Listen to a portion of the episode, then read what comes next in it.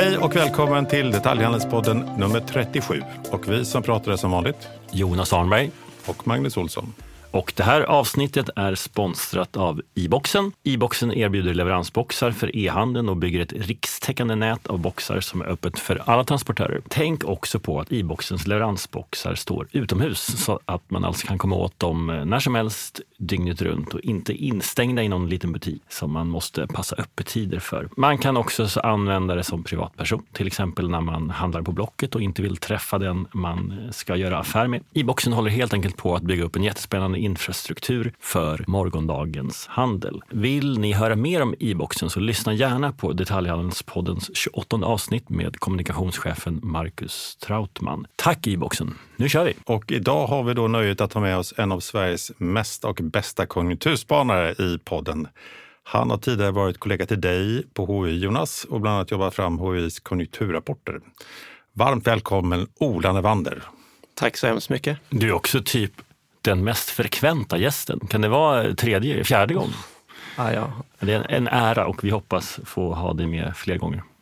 Det här är då en specialpodd om ekonomi och eh, vi kommer börja med en bakgrund om världen innan corona och kriget i Ukraina.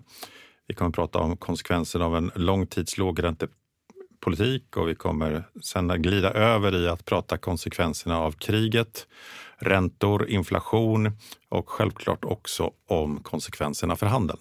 Men eh, börja med att berätta om dig. Du har också lämnat HI. Det stämmer bra. Eh, men jag kom ursprungligen från finansbranschen och jobbade där i fyra, fem år med kreditanalys och rådgivning av olika finansiella produkter och så vidare. Sen hoppade jag över till konsultlivet på HI tillsammans med Jonas och till att börja med så jobbade jag rätt mycket med e-handelsfrågor och digitaliseringsfrågor och sådär och sen gick jag över mer mot det håll där jag idag liksom är mer verksam och det är makroekonomiska analyser och utredningar och policyutredningar och så vidare. Och sen då, sen ett antal månader tillbaka så, så är jag min egen och jobbar som frilansande nationalekonom kan man säga. Härligt, anlita Ola alla. Men hur blev du intresserad av ekonomi?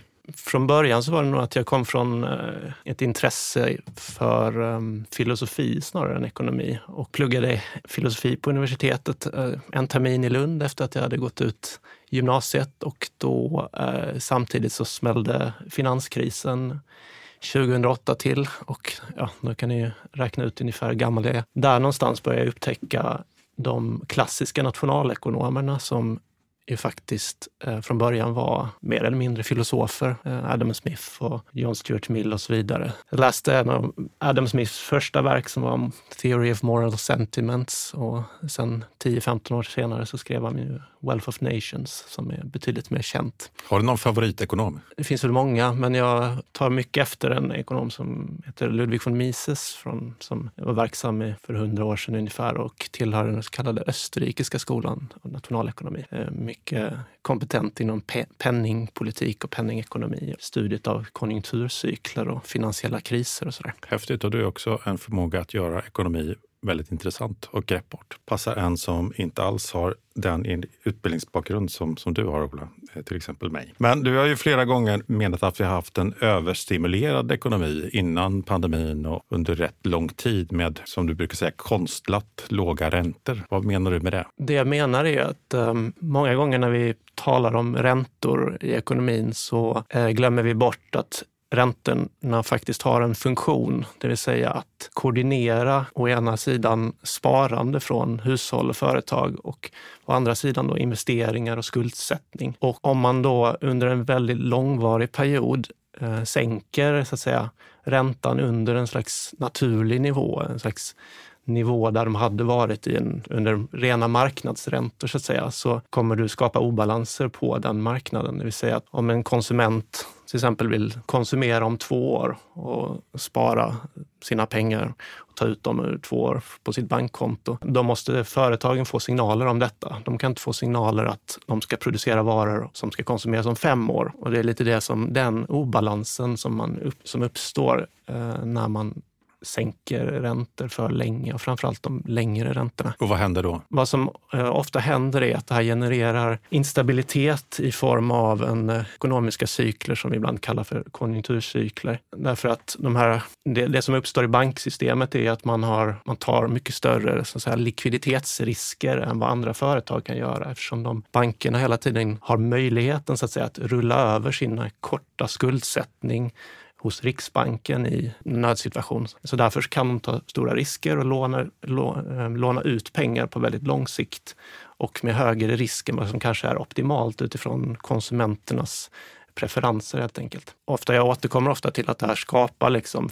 en del felinvesteringar i fast kapital och i räntekänsliga sektorer av ekonomi som vi ser kraschar och genererar lågkonjunkturer och recessioner med jämna mellanrum. Jag kommer ihåg en artikel som jag läste för några veckor sedan där du skrev citat att vi har haft en systematiskt koordinerad nollräntepolitik i ett decennium med ett spektakulärt artificiell uppblåsning av mängden betalmedel i ekonomin och därtill tillhörande obalanser. Svulstiga ord, men eh, betyder det att vi är i en bubbla? Det betyder väl bland annat det, ja, att vi är en skuld, någon form av skuldbubbla där vi har tagit på oss allt för mycket lån under en längre tid och ackumulerat både bland hushåll och företag. Och det blir en väldigt känslig, en, en stor känslighet eh, för störningar, när, till exempel när räntehöjningar kommer eller någon extern störning som en ett krig eller andra logistikstörningar som vi har sett de senaste två åren. Vi har väl också ägnat oss åt ett experiment, särskilt de senaste åren. Först som det du är inne på, att många år av väldigt låg ränta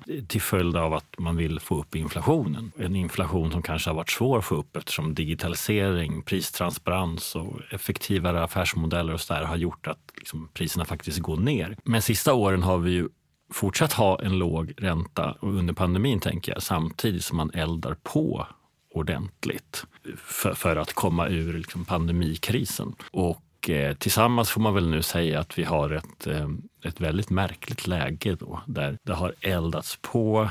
Vi har jättelåga räntor och, och vart ska det ta vägen nu? Liksom, när man knappt har något verktyg kvar. Det ni säger är att det finns för mycket pengar i systemen? Och framför allt att de, den överproduktionen av pengar så att säga, genererar de här obalanserna och slår olika i olika sektorer av ekonomin. Men det kommer från en för mycket krediter och för mycket krediter på vissa löptider och för vissa typer av risk. Och, och för en vanlig svensk så betyder det att egentligen att, att bostadspriserna har ökat för mycket i relation till liksom en, en, en relevant värdeutveckling. Det skulle jag säga är en av mm. faktorer, en av konsekvenserna. Men hur, hur, löser man en sån här bubbla då? Ut, måste det krascha? Kan det inte finnas någon fin, man brukar prata ibland om pyspunka. Det tycker jag låter mycket skönare än en krasch. Vi pratade om det när vi hade med Karl Eckerdahl från Livsmedelsföretagen också och sa att eh, de senaste 16 räntehöjningarna som Bank of England, Fed och Europeiska centralbanken har inlett eh, så har 13 av dem resulterat i en recession. Så det är väldigt svårt att när man är i en, i en överhettad ekonomi och ska börja höja räntan, att inte gå från det till en väldigt svag konjunktur eller till och med recession. Och det känns ju ännu svårare än någonsin att lyckas med det när vi samtidigt har krig, eh, logistikproblem och allt vad det är. Ja, och framförallt när det har pågått så himla länge och det har större skulder idag i världsekonomin än vad det någonsin haft tidigare. Och um, det är som du säger att de här 10-15 senaste gångerna som man har haft en räntehöjarcykel liksom i USA så har det i princip alltid utlöst en recession inom 24 månader. Um, så det är nog att ställa, ställa in sig på att det är väldigt, väldigt sannolikt att vi kommer att se en ganska kraftig nedgång. tror jag. Är det en krasch eller är det en nedgång? För jag, det finns en distinktion mellan de orden. Ja, men precis. Och jag jag skulle säga att eftersom det har pågått så himla länge, länge så blir det också en större sannolikhet att det går det finns en större fallhöjd så att säga.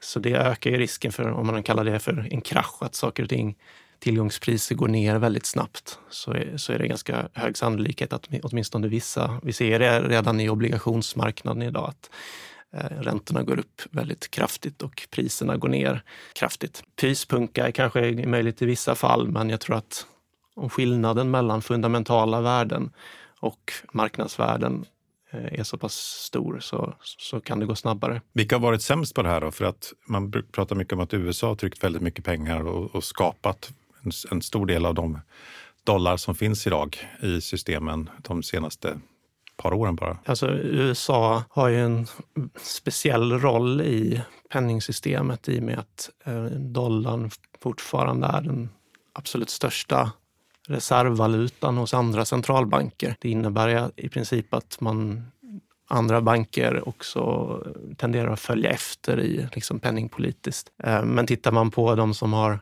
så att säga, köpt mest tillgångar av de stora ekonomierna i förhållande till BNP till exempel så är nog kanske Japan ligger ganska bra till. Eller dåligt till. Ja. Bra till för en krasch. Men och nu har eh, Fed, USAs centralbank, höjde räntan igår eller idag. Vart är vi nu? Men den höjdes med, med 0,5 procentenhet. Och England höjde också räntan. Ja, och jag tror vi hänger vi andra med. Riksbanken höjde ju med 0,25 för ett några dagar sedan också. Och nu ser det väl ut som att ja, enligt Riksbanken själv så säger man att det kommer åtminstone två till tre räntehöjningar till under 2022. Och sen är det dels frågan hur stora kan de bli? Kommer det bli 0,5 höjningar? Man kan ju bli tvingad till ännu större höjningar också såklart. Så vi har en inflation över 6 procent i Sverige eh, redan nu så att säga. Om man tror att den kommer att öka under året också. Så vi, vi följer ju redan efter så att säga. Då har vi fått en liten förståelse för var vi, var vi kommer ifrån så att säga och varför vi har en, en instabil situation. Men den har ju om möjligt blivit snabbt ännu värre då, eh, eller mer komplex i alla fall, när vi nu sedan några månader har ett krig i Ukraina och västvärlden har de facto i, i med allt högre liksom hastighet försökt koppla bort sig från den ryska ekonomin, eh, som ju också är en stor råvarubas. Vad, vad får det för konsekvenser? Men till att börja med så man kan ju också, du nämnde västvärlden, eh, att västvärlden håller på att frikoppla sig från Ryssland. Det stämmer ju, men samtidigt så finns det ju Världen är ju större än så, så att säga. Att eh, vi kanske 15 procent av världens befolkning i de ekonomier som så att säga har tagit så pass starkt ställningstagande mot Ryssland att vi nästan helt kopplar loss ekonomin från den ryska. Vad får det för konsekvenser? Det kriget eh, innebär ju till att börja med en extremt stor och utbredd förstörelse av välstånd eh, bland de krigsförande parterna. Eh, det är ju liksom en väldigt direkt materiell och mänsklig konsekvens som kanske motsvarar en tredjedel av Ukrainas ekonomi enligt de senaste IMF-prognoserna och en tiondel av Rysslands. Men sen är det ju mer indirekta konsekvenser som handlar om energiförsörjning och råvaruförsörjning och sådär. Där Ryssland, som mm, det har pratats mycket om, är ju en, en stor gas och oljeexportör. Jag tror att Europa eller EU importerar ungefär 40 procent av sin gas från Ryssland, åtminstone innan kriget, eh, och eh, 30 procent av sin olja. Det innebär ju att man måste försöka hitta alternativa lösningar på energiförsörjningen för de länder som är liksom högexponerade mot rysk energiråvara. Av de stora ekonomierna kanske det är Tyskland och Italien som mest betydande. Ehm, så det är ju naturligtvis en konsekvens att ehm, det kanske kommer ta något år eller två innan man har verkligen möjlighet att frikoppla sig helt och liksom hitta nya lösningar, både alternativa energikällor men också alternativa leverantörer. Vad gäller råvaror och försörjningen och så, så dels så finns det ju en, en direkt effekt av vissa andra råvaror som exporteras av Ryssland och Ukraina som vete, eh, aluminium är Ryssland en stor ex exportör av som används mycket i tillverkande industri och sådär. Och generellt sett prisökningarna späs ju på av krigsutbrottet på grund av den geopolitiska oron och förstörelse av värdekedjor och sådär. Och nu höjer vi räntan, eh, men kommer höjda räntor liksom att, att lösa inflationen när det kommer från eh, liksom, tillgångssidan? Alltså vi vill fortfarande äta. Eh, det, det, är svårt att, att liksom, säga att jag, jag äter bara hälften så mycket så, så minskar eh, liksom efterfrågan. Man kan säga så här att bristsituationen är delvis en, ett, så att säga, en, det är en obalans mellan utbud och efterfrågan. Så man löser ju inte utbudet genom att höja räntorna, så att säga. men man, det man gör är att eh, man dämpar efterfrågan. Så att eh, rent ekonomiskt, tekniskt så minskar ju bristen på råvaror, insatsvaror i produktionen eftersom man skalar ner produktionen i takt med att man får högre finansieringskostnader. Så. Vi får betala mer för våra bostäder och då kan vi köpa mindre grejer. Ja, och för vår tillverkande industri och våra, vår bilproduktion och uppvärmning och, och, så vidare. Men sen är det också, jag kan tycka att det finns en poäng att säga att om en konsument som tankar bilen mycket dyrare idag än igår ska ju också liksom någonstans dra ner på motsvarande konsumtion på andra typer av varor. Så jag tror inte att alltså den här svårigheten i varuförsörjning har definitivt försämrat inflationsutsikterna. Eller så. Men det är inte grundorsaken, utan grundorsaken ligger liksom i det monetära eh, systemet och liksom de här kraftiga kreditmängden som vi talade om innan. Så du säger att den här effekten hade vi fått ändå förr eller senare? För att det är ohållbart att bara trycka pengar? Kanske inte lika kraftig, men nästan. Hur mycket tror du att Eh, räntan ska upp för att det ska liksom börja bita? Det är en väldigt, väldigt svår, svår fråga att svara på. Men om man tittar bakåt i tiden alltså, så vet jag att vi hade liksom en väldigt kraftig inflationsperiod på 70-talet till exempel. Och det slutade ju inte förrän Paul Volcker som var Fed-chef eh, i slutet av 70-talet och början av 80-talet. Han höjde ju styrräntan liksom till 20 procent i USA. Alltså, jag... Det blir tufft. Ja, men... men då hade man också dubbelt så hög inflation som idag. Nej, men jag tänker också på att då hade man inte samma lån. Så att säga. Alltså, eh, min, min farsa fick ju, hej grattis, nu är räntan 15 procent, fick man ju brev. Det var inte någon förhandling. Liksom. Men vad kan han haft i lån? Jag har ju tio gånger så mycket. Mm. och, eh, men, men, då slår det ju liksom, alltså så här, en, en procentenhets höjning idag är ju väldigt mycket pengar mer som ska betalas på våra lån och eh, borde ju då kyla ner marknaden desto snabbare. En bra poäng. Och sen tror jag också kanske att vi har det finns andra styrmedel idag som vi kanske inte vi säger då, hänvisar till centralbanken, som man inte använde på samma sätt för 30-40 år sedan. Som ju handlar om att man har köpt väldigt mycket tillgångar direkt i marknaden. Alltså, om vi tittar på Riksbankens balansräkning i Sverige så ligger det kanske 400-500 miljarder i säkerställda bolåneobligationer till exempel, kanske en tiondel eh, av marknaden för bolån så att säga. Och de planerar man ju liksom avyttra eh, under de kommande åren. Man kommer inte köpa något, man köper väldigt lite eh, jämfört med vad man gjorde förra året och i förfjol så att säga. Så det kommer också ha en avkylande effekt liksom, så, och bidra till att vi, vi kommer nog inte se 20-procentiga styrräntor. Nej, det vore jättedeppigt faktiskt. Ehm, men, men Många jämför ju situationer, du nämnde 70-talet. Eh, det var ju också en, en värld som var bipolär. Det fanns eh, öst mot väst, eh, det var inflation, det var energikris eh, kopplat av, av krig mellan eh, arabländerna och Israel.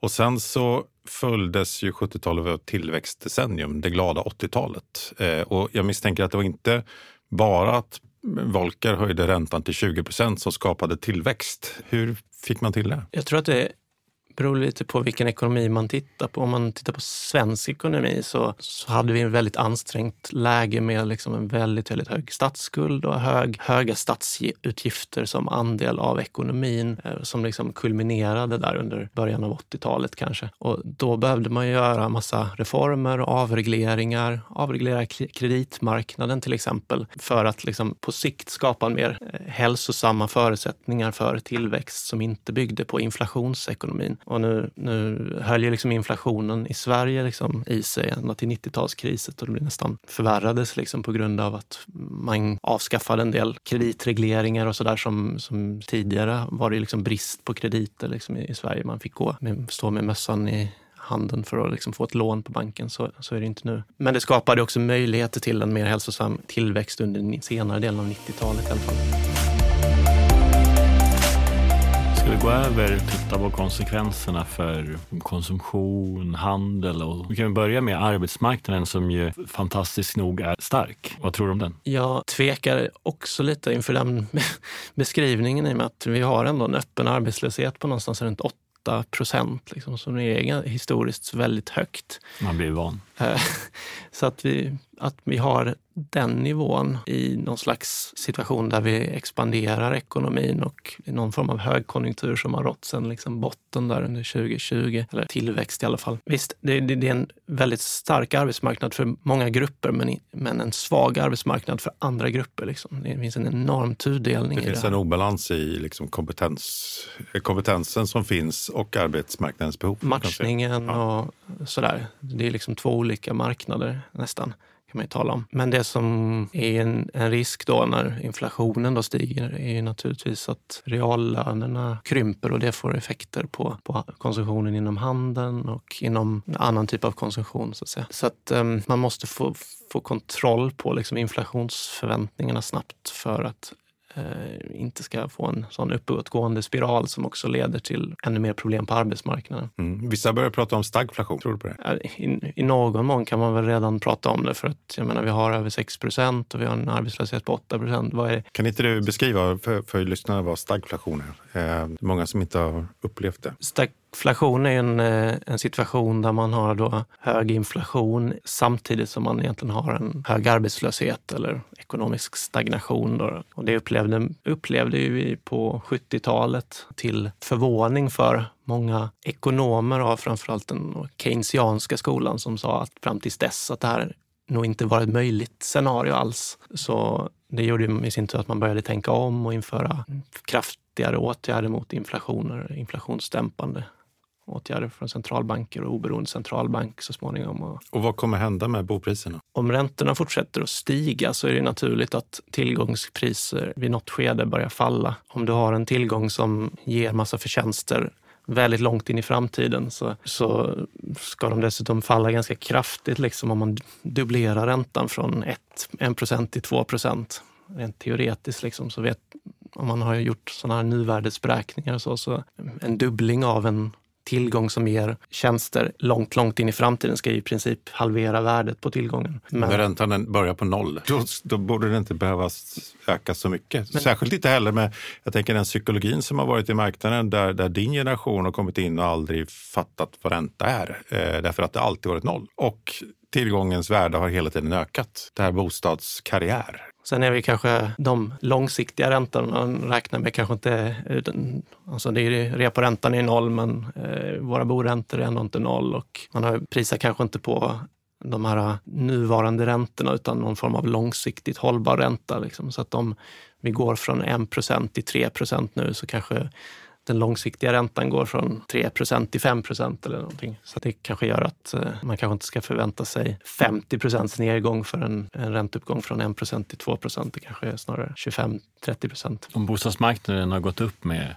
30-40% på ett par år och så höjer vi räntan och den går ner motsvarande. Är det så farligt? Det är farligt för de som eh, hamnar under vattenytan så att säga och inte har något eget kapital och förlorar sitt egna kapital i bostaden och kanske ännu värre blir det om de inte har liksom tillräckligt kassaflöde för att betala av de löpande räntebetalningar och amorteringarna. Så det finns konsumentgrupper, framförallt de som är nya på bostadsmarknaden, som kan få det betydligt tuffare? Nya bolånetagare i storstäder är framförallt högbelånade i förhållande till inkomsten kommer att få det sannolikt allra tuffast. Och vad blir konsekvenserna för handeln här då?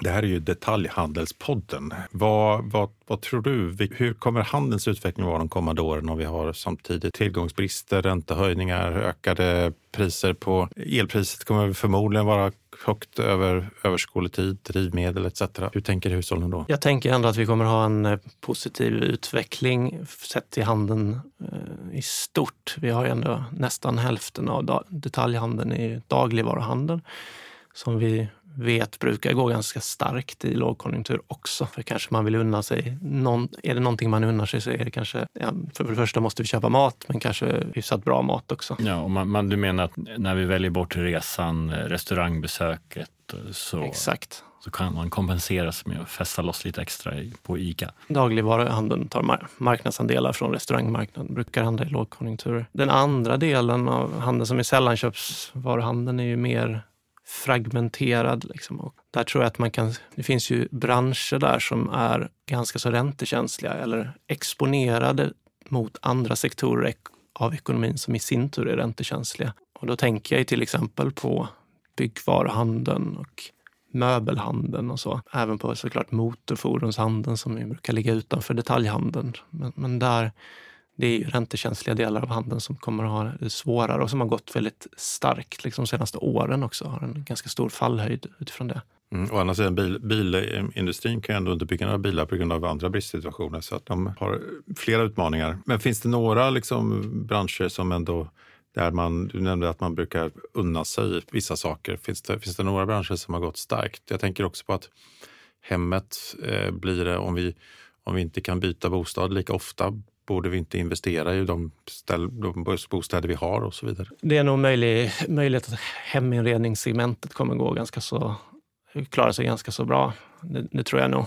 Kanske också delar av sporthandeln där vi har liksom en ganska så stark hälso och friluftstrend. Samma med delar av elektronikhandeln tror jag också att eftersom det är en så pass oerhört stark digitaliseringstrend så kan den liksom kanske uppväga nedgången i konjunkturen. Nu har du snart upp hela eh, sällanköpshandeln också. Vilka, vilka får det tufft? Ja, men jag, sa, jag nämnde bygghandeln, jag nämnde så att säga, möbelhandeln. Jag tror också lite varningens finger kanske också för klädhandeln, åtminstone delar av klädhandeln eh, som ju har kämpat länge med lönsamheten och som ju dessutom har vi en ganska så hög andel köp på faktura där som jag är lite orolig för vad det är som kommer hända när hushållen drar åt svångremmen. Liksom. Vad tror du om lågprishandeln?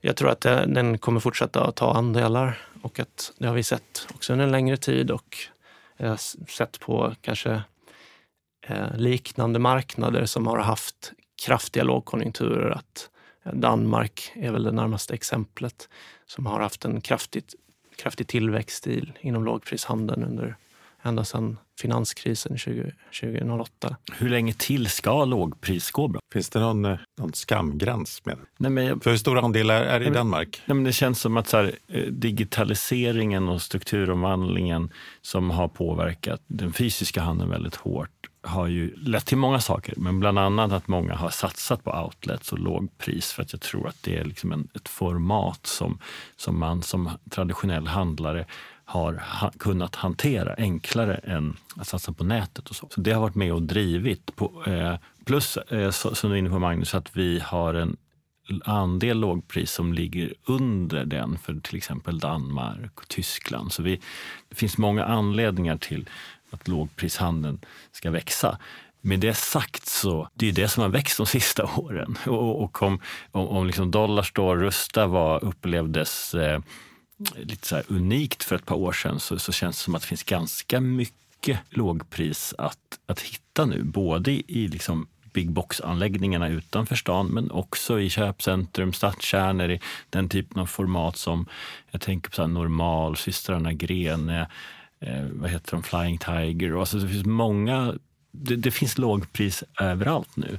Och antingen får det då fortsätta ta av de mer traditionella med, liksom kedjorna som ligger inom mellansegment. Eller så börjar det bli tuffare konkurrens inom lågpris. Vad tror ni? Jag tänker att det finns ju olika eh, lågpristrenden plockas ju upp av en mängd olika typer av handel. Jag tänker också på att andrahandsmarknaden växer ganska kraftigt på nätet till exempel. Eh, jag tänker på att en stora delar av e-handeln är också ganska så prisdriven. Ehm, så att Frågan är väl egentligen hur, hur kommer den här liksom, trenden plockas upp? Är det liksom in, inom ramen för befintliga kedjor som utvecklar nya lågpriskoncept? Det är en modell. Andra är ju liksom att man, det kommer in nya eh, aktörer som är renodlade lågprisaktörer. Jag tror att man ser en kombination av både och. Mm. Sen tänker jag att, att hittills är lågprisbranschen, eh, om, man, om det nu är en bransch, positionerat sig mot de originalen så att säga inom respektive kategori. Medan nu så ser vi också en positionering inom lågpris där vi hittar olika positioner där, man, där vissa är, är duktiga på att föra in eh, ja, men, varor som du behöver ofta och, och tvättmedel och allt möjligt sånt och driver trafik på det. Samtidigt som till exempel Rusta är väldigt stark inom hem medan eh, andra har sin positionering genom att du inte riktigt vet vad de har. Så normalt till exempel. Du, du vet inte vad som finns där men du kommer alltid ut med åtminstone en pryl när du går rätt igenom. Ofta Så det blir flera. mer, mer skattjakt. Eh, så att det finns ju både behovshandel och skattjaktshandel. Där kan man fundera på vad eh, en, en hel del av den, den, det segmentet är också varit lustdrivet. Att själva, själva ämnet för att man ska liksom åka dit, att man ska shoppa, snarare än behovet. Ja, både pre- premissen är att det är lågt pris och att jag blir överraskad och att jag har inte samma krav på butiken eh, och bemötande som när jag går in i en traditionell kedja där jag kanske är påläst, vet mer om produkten än personalen. Men jag går in i lågpris är jag mer där liksom, ute för att fynda. Men jag tänker så här, en del av lågpris och e-handelns framgång tycker jag är att kedjesverige har varit för dåliga bara. Och då har liksom e-handeln kunnat ta massa mark och lågprishandeln tar massa mark. Och en del lågpriskedjor framstår som lika härliga som en del mer traditionella kedjor, men billigare. Det Det har också varit så att, att den här klassiska lågprisladan som var för 20 år sedan, den, den finns ju nästan inte längre. Utan alla har också utvecklat sina koncept. Ja, men, men sista poddarna har vi haft Lyko och Nick Stagger som då pratar vi väldigt mycket servera och där har man ju typen av Lyko kommer visserligen från e-handel men har ju typ 50 butiker och Servera kommer ju verkligen från den här traditionella kedjan med vad kan det vara, jag minns jag inte, 75-100 butiker och sånt där. Och nu börjar de så här, visa vägen i att finnas både på nätet och digitalt och vara väldigt duktiga. Och då undrar jag om fem, tio år, kommer det liksom lågpriserbjudande vi ser nu växer väldigt mycket vara liksom för tråkigt? Eller kommer det fortfarande funka? Jag tror att det är dopaminutsöndrande. Det är det som är det stora mervärdet. Det är gött att handla lågpris. Man blir glad. Ja. Men, ja, och sen det du är inne på Ola är också så att, eh, vi, vi har ett, eh, ett Sverige som blir mer tudelat. Och, alltså, Sverige har varit väldigt homogent, likriktat precis som handeln och nu får vi större skillnader och det kommer också speglas i handeln. Ändå lite så här, menar, många lågpriskedjor sätter sig i tio, man sätter dem i tioårskontrakt och så där. Kommer det funka i tio år till? kan man fråga sig. Det jag också har blivit lite överraskad av det är att de har klarat sin varuförsörjning eh, och fyllt sina butiker med pinaler trots att vi har haft de, de utmaningarna i världslogistiken. Och det måste väl vara lite det som vi är inne på kring att de inte har samma löfte kring sortimentet och så. Att alltså, det är viktigt att få in grejer. Ja, en stor måste vara. Plus att de säkert är väldigt duktiga på logistik. För det är ju det som, alltså, de är beroende av, att, av, av låga kostnader. Det är ju logistiken är en nyckel, tycker jag. Och att de har satsat väldigt mycket på egna varumärken och sådär. Och en ganska bra kontroll över sina egna värde, värdekedjor. Men om det skulle skorpa till sig ytterligare med en utvidgning av kriget och så vidare och man inte kan liksom, få hit varorna, då, går, då kommer det gå rätt snabbt åt andra hållet. Mm. Så att vi, om vi sammanfattar lågprisdiskussionen, ja, det kommer växa ett tag till. Särskilt dri, drivet av massa olika anledningar hittills och nu kanske ännu mer då av en, en svag konjunktur. Men du, eh, apropå det här med, med logistik. Eh, det är många som också eh, menar att, att nearshoring och homeshoring eh, är tecken i tiden för att säkra de här eh, logistikkedjorna och kunna ha andra ledtider och så vidare.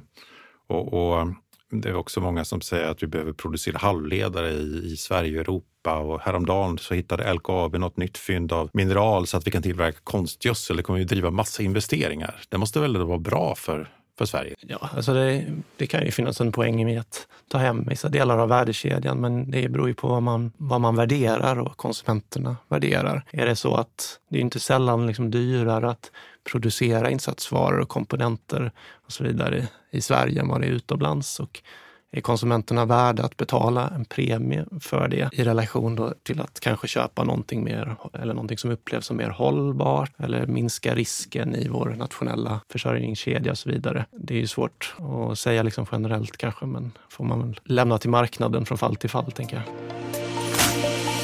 Ola, eh, sammanfatta nu läget. Var, var är vi? Vart ska vi? Men vi har haft en period av väldigt starkt accelererande konjunktur som nu håller på att försvagas, eh, där det stora ämnet framöver kommer att vara räntehöjningarna från Federal Reserve, Europeiska centralbanken, Riksbanken och så vidare. Och det kommer att ha en stor påverkan på konsumtion och på produktion och på handeln. När vet vi vart det tar vägen? Alltså är det, vet vi om när nästa höjning har skett? Eller när, när, när vet Det är väl som alltid att man får väl man får väl, analysen slutar ju tyvärr aldrig, utan man måste ju liksom eh, utvärdera löpande vart vi är på väg. Vi vet aldrig fullständigt, men vi kan veta en del. Vi ser fram emot att ha dig som gäst här snart igen, Ola. Men Ola, avslutningsvis då. Finns det några safe havens idag? Har du några investeringstips? Ja, men så här, jag tycker att det är uppenbart att vi lever i en period av väldigt, väldigt hög inflation och liksom accelererande eh, inflation. Och historiskt sett så har det varit bra i sådana perioder att äga eh, realtillgångar, till exempel råvaror, också monetära realtillgångar som guld, silver. Det kan till och med vara bitcoin eller liksom någon någonting som ligger utanför banksystemet som en reserv. Vissa typer av fastigheter mm, som genererar löpande avkastning kanske kommer gå hyfsat. Det kan vara ett alternativ att korta marknaden om man är duktig på sånt. Så det, det finns kommer finnas väldigt mycket sätt att tjäna pengar, liksom, som det alltid gör i lågkonjunktur, och bevara sitt värde. Men man måste nog, det är läge att se över det där, helt enkelt. Ola Nyvander, tack så himla mycket att du var med i Detaljhandelspodden. Vi vill jättegärna ha dig tillbaka snart igen. Om man vill eh, lyssna eller ta del av dina spaningar, eh, hur, hur, gör man då? Ehm, jag skriver en hel del artiklar på, um, på um, Substack. Eh, så det är bara att söka på Ola Nyvander Substack. Ekonomiskt perspektiv heter den bloggen eller nyhetsbrevet. Bra. Vi kan lägga upp det på Detaljhandelspoddens LinkedIn också. Måste läsning. Och alla ni som lyssnar, eh, har ni tips på ämnen, gäster, olika former av önskemål? Vill ni vara med själva? Eh, så hör av er till oss. Vi finns på jonas.arnberg.detaljhandelspodden.com och magnus.olsson.detaljhandelspodden.com. Med det säger vi tack för idag. Tack för att ni lyssnar.